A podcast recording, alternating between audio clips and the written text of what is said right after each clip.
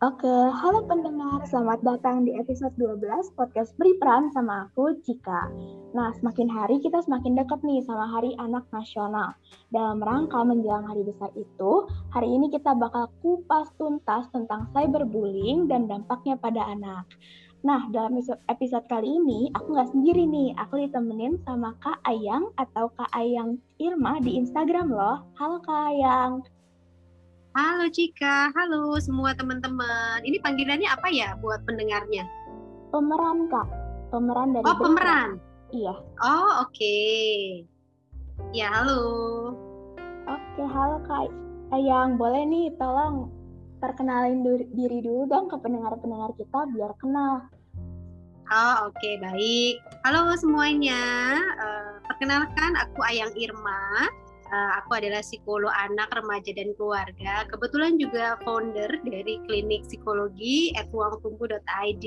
Jadi senang banget sore ini uh, bisa ngobrol-ngobrol sama Cika terkait dengan isu yang memang relatif uh, perlu untuk kita bahas nih, Cik. Gitu. Oke, benar banget nih, Kak kan apalagi hmm. di era-era digital nih ya kak, di mana semuanya tuh dilakuinnya di sosial media atau secara online. Nah, sebenarnya nih Kak, pertanyaan pertama aku deh ya. Cyberbullying itu sebenarnya apa sih Kak dan parameter aksi-aksi yang bisa dimasukkan dalam kategori cyberbullying itu apa aja Kak? Oke, jadi cyberbullying ini kan memang muncul setelah uh, dunia ini sudah uh, banyak sekali menggunakan atau memanfaatkan platform sosial media ya. Jadi teknologi dan sosial media sehingga memang uh, orang-orangnya lebih banyak aktif melalui uh, kegiatan bersosial terutama juga kan karena sekarang di masa pandemi ya. Nah, lalu muncullah beberapa fenomena yang terjadi. Jadi apa yang biasanya terjadi di offline, kalau kita ketemu sama orang, sama teman, nah sekarang ternyata nih Cika juga bisa terjadi di uh, dunia maya apa sih sebenarnya cyberbullying itu gitu. Jadi kalau kita bicara bully, mungkin semuanya udah tahu ya, cyberbully itu kan adalah aksi uh, mengintimidasi ya, mengancam seseorang. Nah, kalau cyberbully itu adalah segala bentuk kekerasan yang dialami oleh seseorang, uh, bisa anak, remaja atau orang dewasa sekalipun itu melalui dunia maya atau melalui internet. Jadi bisa melalui platform media sosial apa pun bentuknya ya jadi uh, ketika seseorang itu merasa dirinya diancam diintimidasi dilecehkan dijelekkan kemudian di uh, dipojokkan ya dan semua dilakukan di media sosial itu sudah dinamakan sebagai cyberbullying begitu Cika.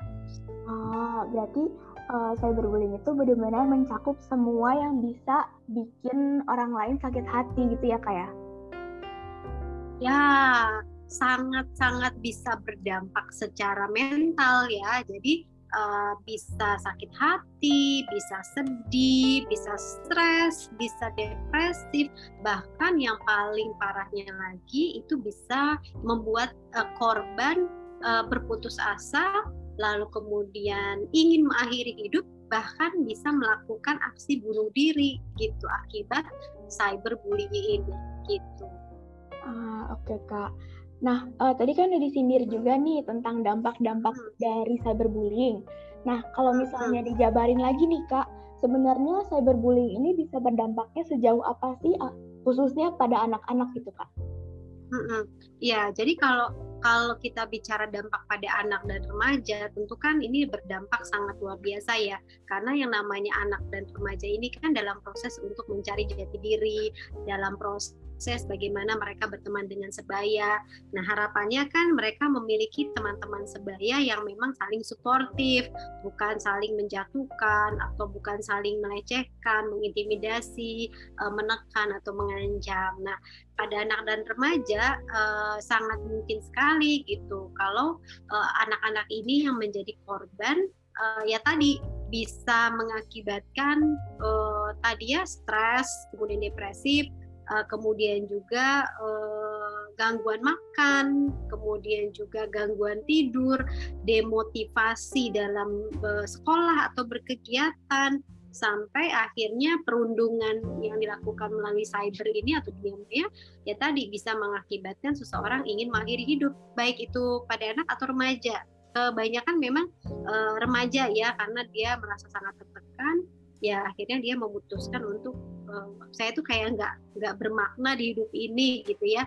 Ya kemudian ya tadi lah gitu ya yang disayangkan memang uh, banyak kasus yang terjadi karena uh, dibully kemudian akhirnya dia memutuskan untuk mengakhiri hidup. Ada yang seperti itu. Ah gitu ya kak. Jadi saya berbully hmm. ini benar-benar uh, affecting banget apalagi ke mental anak ke kehidupan sosial anak gitu ya kak. Dan juga orang tuanya ya ya. Jadi orang tua orang tua dari anak-anak yang korban bully ini juga mengalami dampak gitu. Jadi dia merasa bahwa sebagai orang tua uh, apa uh, ada kemarahan ya marah ingin balas dendam. Kemudian juga banyak sekali yang pada akhirnya nih orang tua orang tua yang menyikapi ini dengan membawa ke ranah hukum gitu loh. Jadi pelaku pelaku ini di uh, di, dilaporkan secara hukum karena memang bisa saja kena undang-undang ITE gitu Cika. Oh iya, berarti uh, sebenarnya undang-undangnya udah ada, tapi uh, ini pertanyaannya agak sebenarnya agak keluar, cuman nggak apa-apa lah ya kita tanya aja. Kalau UU ITE ini nih kak, kan kita sering dengar nih kayak banyak banget yang nyebut UU ITE, UU ITE. Sebenarnya UU ITE ini uh, bekerja kah? Maksudnya apakah implementasinya sudah bagus di Indonesia atau gimana nih kak? Ya, jadi kalau pelaku cyberbully ini kan bisa dijerat dengan pasal 29 Undang-Undang ITE ya, Cika gitu ya. Jadi memang uh, di situ dikatakan kalau misalnya setiap orang nih dengan sengaja atau tanpa hak ya mengirimkan informasi, uh, kemudian yang isinya itu ancaman, kekerasan, kemudian menakut-nakuti ya. Uh, nah itu bisa kena ancaman pidana ya. Jadi uh, bisa juga kena uh, penjara selama 12 bulan atau satu tahun atau denda paling banyak sekitar 2 miliar rupiah gitu. Jadi implementasinya gimana? Nah sekarang balik lagi gitu. Uh, artinya uh, sejauh mana pihak orang tua, kemudian pihak pendidik uh, ini memberikan edukasi-edukasi agar jangan sampai anak-anak atau remaja ini melakukan tindakan bully kepada teman-temannya gitu. Karena uh, yang beberapa anak setahu aku ini memang akhirnya harus harus direhabilitasi ya. Uh, mungkin karena juga dipengaruhi narkoba. Karena ada juga yang seperti itu Cika gitu kan. Dia dipengaruhi narkoba terus kemudian nggak bisa berpikir rasional. Terus kemudian akhirnya apa? Dia melakukan bully kan? Nah lalu kemudian direhab nih karena dia sudah dipengaruhi obat-obatan gitu kan. Lalu ada juga yang memang harus mengikuti terapi-terapi khusus. Nah uh, implementasi terkait sama hukum uh, untuk data statistik mungkin nanti Cika bisa cari ya. Uh, tapi balik lagi kalau itu adalah anak dan remaja memang uh, rehabilitasi kemudian mengembalikan ke orang tua ya dididik kembali uh, itu yang bisa dilakukan gitu. Jadi uh, sebaiknya sih memang pendidikan terkait dengan uh, si bully ini menjadi hal yang sangat penting banget untuk kita semua sadari gitu ya jangan sampai kena pasal 29 ini nih Cika gitu. Oh, iya Kak, berarti akhir-akhirnya emang baik lagi ke edukasi sejak dini ya Kak supaya anak-anak supaya anak remaja tuh nggak melakukan cyberbullying terhadap orang lain gitu ya Kak. Iya. Jadi kalau menurutku uh, ketika orang tua mulai menyerahkan uh, smartphone ke anaknya itu harus diperjelas apa saja yang boleh dan nggak boleh mereka lakukan dengan smartphone-nya itu, dengan platformnya itu, sehingga uh, meminimalisir dia menjadi pelaku bully atau menjadi korbannya gitu. Jadi memang uh, orang tua dan dan guru juga perlu sekali mengedukasi anak dan remaja ya supaya bisa memanfaatkan akses teknologi ini dengan baik dan benar tanpa melukai uh, perasaan orang lain gitu. Ah iya, iya sih kak. Apalagi kan kalau masih muda ya pasti harus ada pengawasan dari orang tua supaya aktivitas kita di internet juga uh, terkendali gitu ya kak. Ya betul sekali. Oke. Iya. Nah selanjutnya nih kak, kita kan anak-anak muda nih sering banget kan ada di sosial media nih. Nah kalau misalnya kita mengalami yang namanya cyberbullying, sebenarnya langkah apa sih yang tepat untuk kita ambil? Apakah kita coba untuk uh, jalani dulu sendiri ataukah harus kita langsung reach out ke orang lain? Gimana nih Kak langkah-langkahnya untuk menghadapi cyberbullying? Oke, okay. yang pertama kan uh, apa namanya? Uh, seseorang itu atau anak itu kan pasti belajar dulu dari orang dewasanya. Ya jadi orang dewasanya mengedukasi gitu ya. Jadi kalau misalnya kitanya sebagai anak atau remaja sudah punya bekal bagaimana caranya ketika kita kena bully dirundung di uh, media sosial um, apa namanya apa yang harus dilakukan? Yang pertama adalah kita sadari bahwa oke okay, ini kita memang sedang dibully ini sama seseorang. Kita sedang diancam sedang direcehkan sedang dijelek-jelekan di media sosial kita. Lalu kemudian yang kedua yang bisa kita lakukan adalah pertama mengabaikan sih gitu. Yang kedua kita abaikan saja. Kita jangan sampai terprovokasi karena biasanya nih pelaku bully sengaja banget mereka membuli untuk cari perhatian kita. Jadi di situlah titik lemahnya ya. Jadi kita jangan sampai terprovokasi. Terus kemudian uh, kalau misalnya itu adalah account-account atau seseorang yang bisa kita blok, kita blok aja. Itu kan itu toxic ya. Jadi silakan diblok saja uh, supaya dia tidak punya akses ke kita. Lalu kemudian kalau itu orang-orang terdekat kita, berarti yang harus dilakukan adalah memang mengabaikan. Kedua kita bisa laporkan kepada orang tua kita gitu. Jadi kalau apalagi kalau sudah ada ancaman-ancaman uh, ya ancaman-ancaman yang yang terkait sama nyawa ya. Nah, atau misalnya menjelek-jelekan juga, melecehkan, uh, menjatuhkan, uh, silahkan diskusikan dengan orang tua. Itu menjadi penting sekali gitu. Oh, oke okay, oke. Okay. Ini menarik banget sih Kak tadi waktu Kakak ngomongin tentang kontrol emosi kita, aku jadi ingat banget satu quotes yang bilang kalau kita tuh nggak bisa mengontrol tindakan orang lain, tapi yang kita bisa kontrol adalah emosi kita sendiri dan juga tindakan kita sendiri. Berarti quotes ini bisa banget dong Kak dipakai saat kita mengalami cyberbullying ini ya? Iya, betul. Oke, nah tadi kan hmm, udah dari perspektif kalau misalnya kita kena bullying nih. Nah, kalau misalnya kita sebagai pengamat atau orang ketiga nih, misalnya kita lagi di sosial media terus kita ngelihat ada kenalan kita atau mungkin adik-adik yang lebih uh, muda dari kita kena cyberbullying, apa sih yang harus kita lakuin kak? Soalnya kan uh, yang aku lihat nih, kebanyakan orang kalau ngelihat orang lain dibully itu agak takut buat ngomong atau untuk speak up karena takut ikut kebully nih. Jadi sebenarnya reaksi kita yang benar tuh harus gimana kak? Hmm, kalau kita sebagai uh, seseorang yang melihat gitu ya, uh, ya.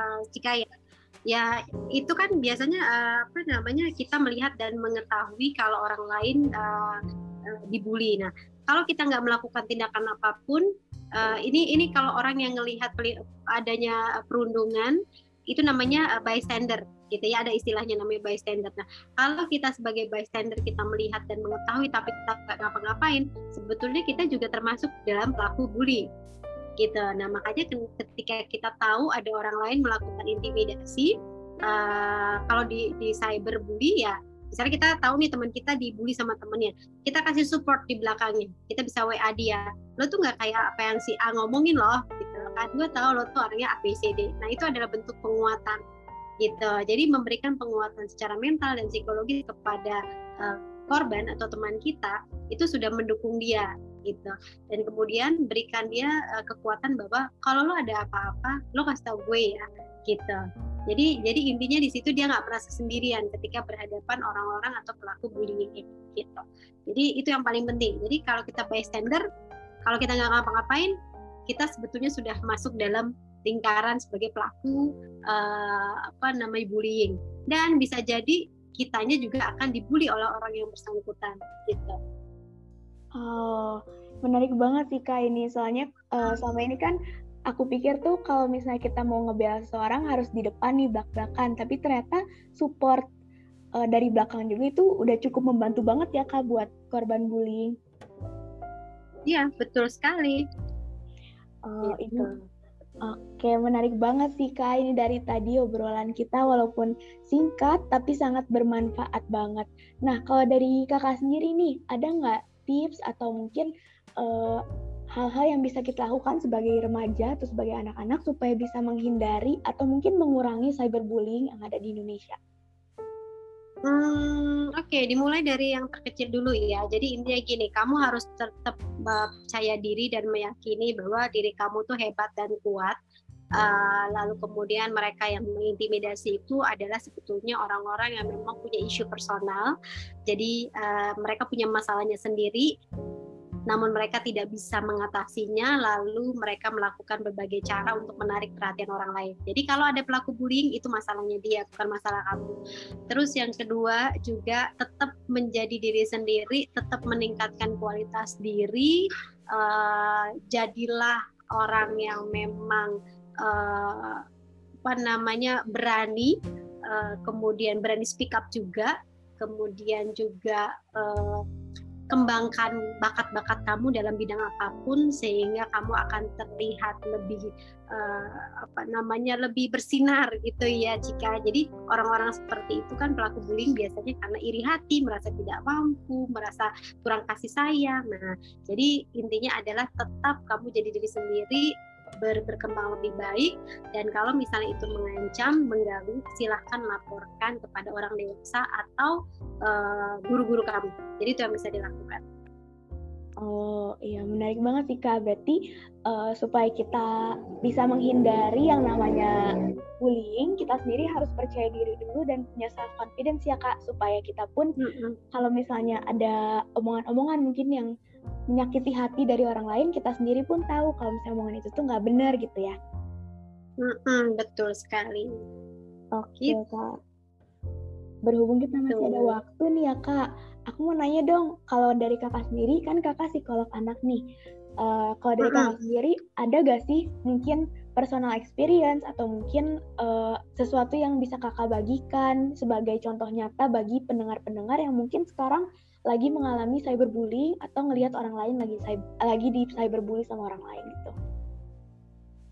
Oke, okay, kalau personal experience kebetulan nggak ada, hmm, tapi aku banyak mengenal klien-klienku yang memang uh, korban perundungan atau bully ya. Jadi pada intinya adalah uh, ya tadi yang seperti aku katakan bahwa uh, untuk bisa mengalahkan mereka yang pelaku bullying, kamunya harus kuat gitu. Kamunya harus lebih kuat daripada mereka, lebih kuat daripada dia.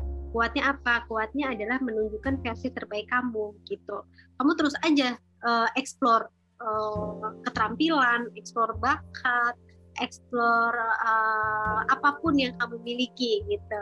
Nah, sehingga itu membuat lawanmu merasa tidak punya kompetensi lagi untuk bisa mengalahkan kamu gitu ya. Jadi pada intinya seperti itu.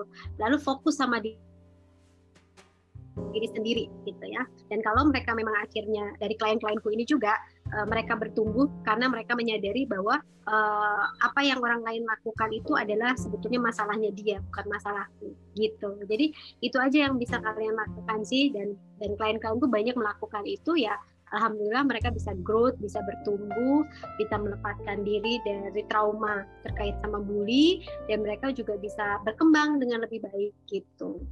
Hmm. Oke kak, berarti solusinya itu bukan untuk balik menyakiti orang yang ngebully kita, tapi dengan meningkatkan diri sendiri ya supaya kitanya jadi pede, uh. jadi jadi orang lebih baik gitu ya. Mm -hmm, betul kalian. Oke, okay, Kak. Kalau pertanyaan dari aku udah segitu aja. Nah, kalau dari Kakak sendiri, apakah mungkin bisa nih kasih closing statement, apalagi dalam rangka kita udah mendekati Hari Anak nih buat pendengar-pendengar berita. Mm -hmm. uh, ya, tadi uh, intinya adalah tetap jadi diri sendiri, tetap berani, tetap kuat, tetap bersemangat, uh, kemudian kontrol apa yang bisa kamu kontrol, Uh, karena kadang-kadang kita memang tidak bisa mengontrol yang di luar sana. Kamu yang penting menjadi versi terbaik, uh, cari support, cari dukungan dari lingkungan yang positif. Gitu aja sih. Hmm. Oke, makasih banyak loh Kak Ayang udah nyediain waktu buat ngobrol-ngobrol sama aku, sama teman-teman pendengar dari podcast Beri Peran. Iya.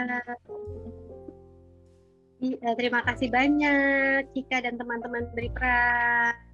Oke, aku uh, ngewakilin teman-teman dari beri peran yang lain mau doain kakak aja deh supaya apa pun yang kakak lakuin ke depannya bisa berhasil. Amin. Sukses juga buat beri peran ya, Cika dan teman-teman semuanya. Amin. Terus menebar kebaikan-kebaikan dan edukasi ya. Iya, makasih banyak Kayang. Oke, nah sekarang kita udah di penghujung dari podcast kita hari ini. Terima kasih banyak ya pendengar udah mendengarkan podcast Beri Peran kali ini. Kami minta maaf jika ada salah kata dan sampai bertemu lagi di podcast Beri Peran selanjutnya. Dadah semua. Dah semuanya.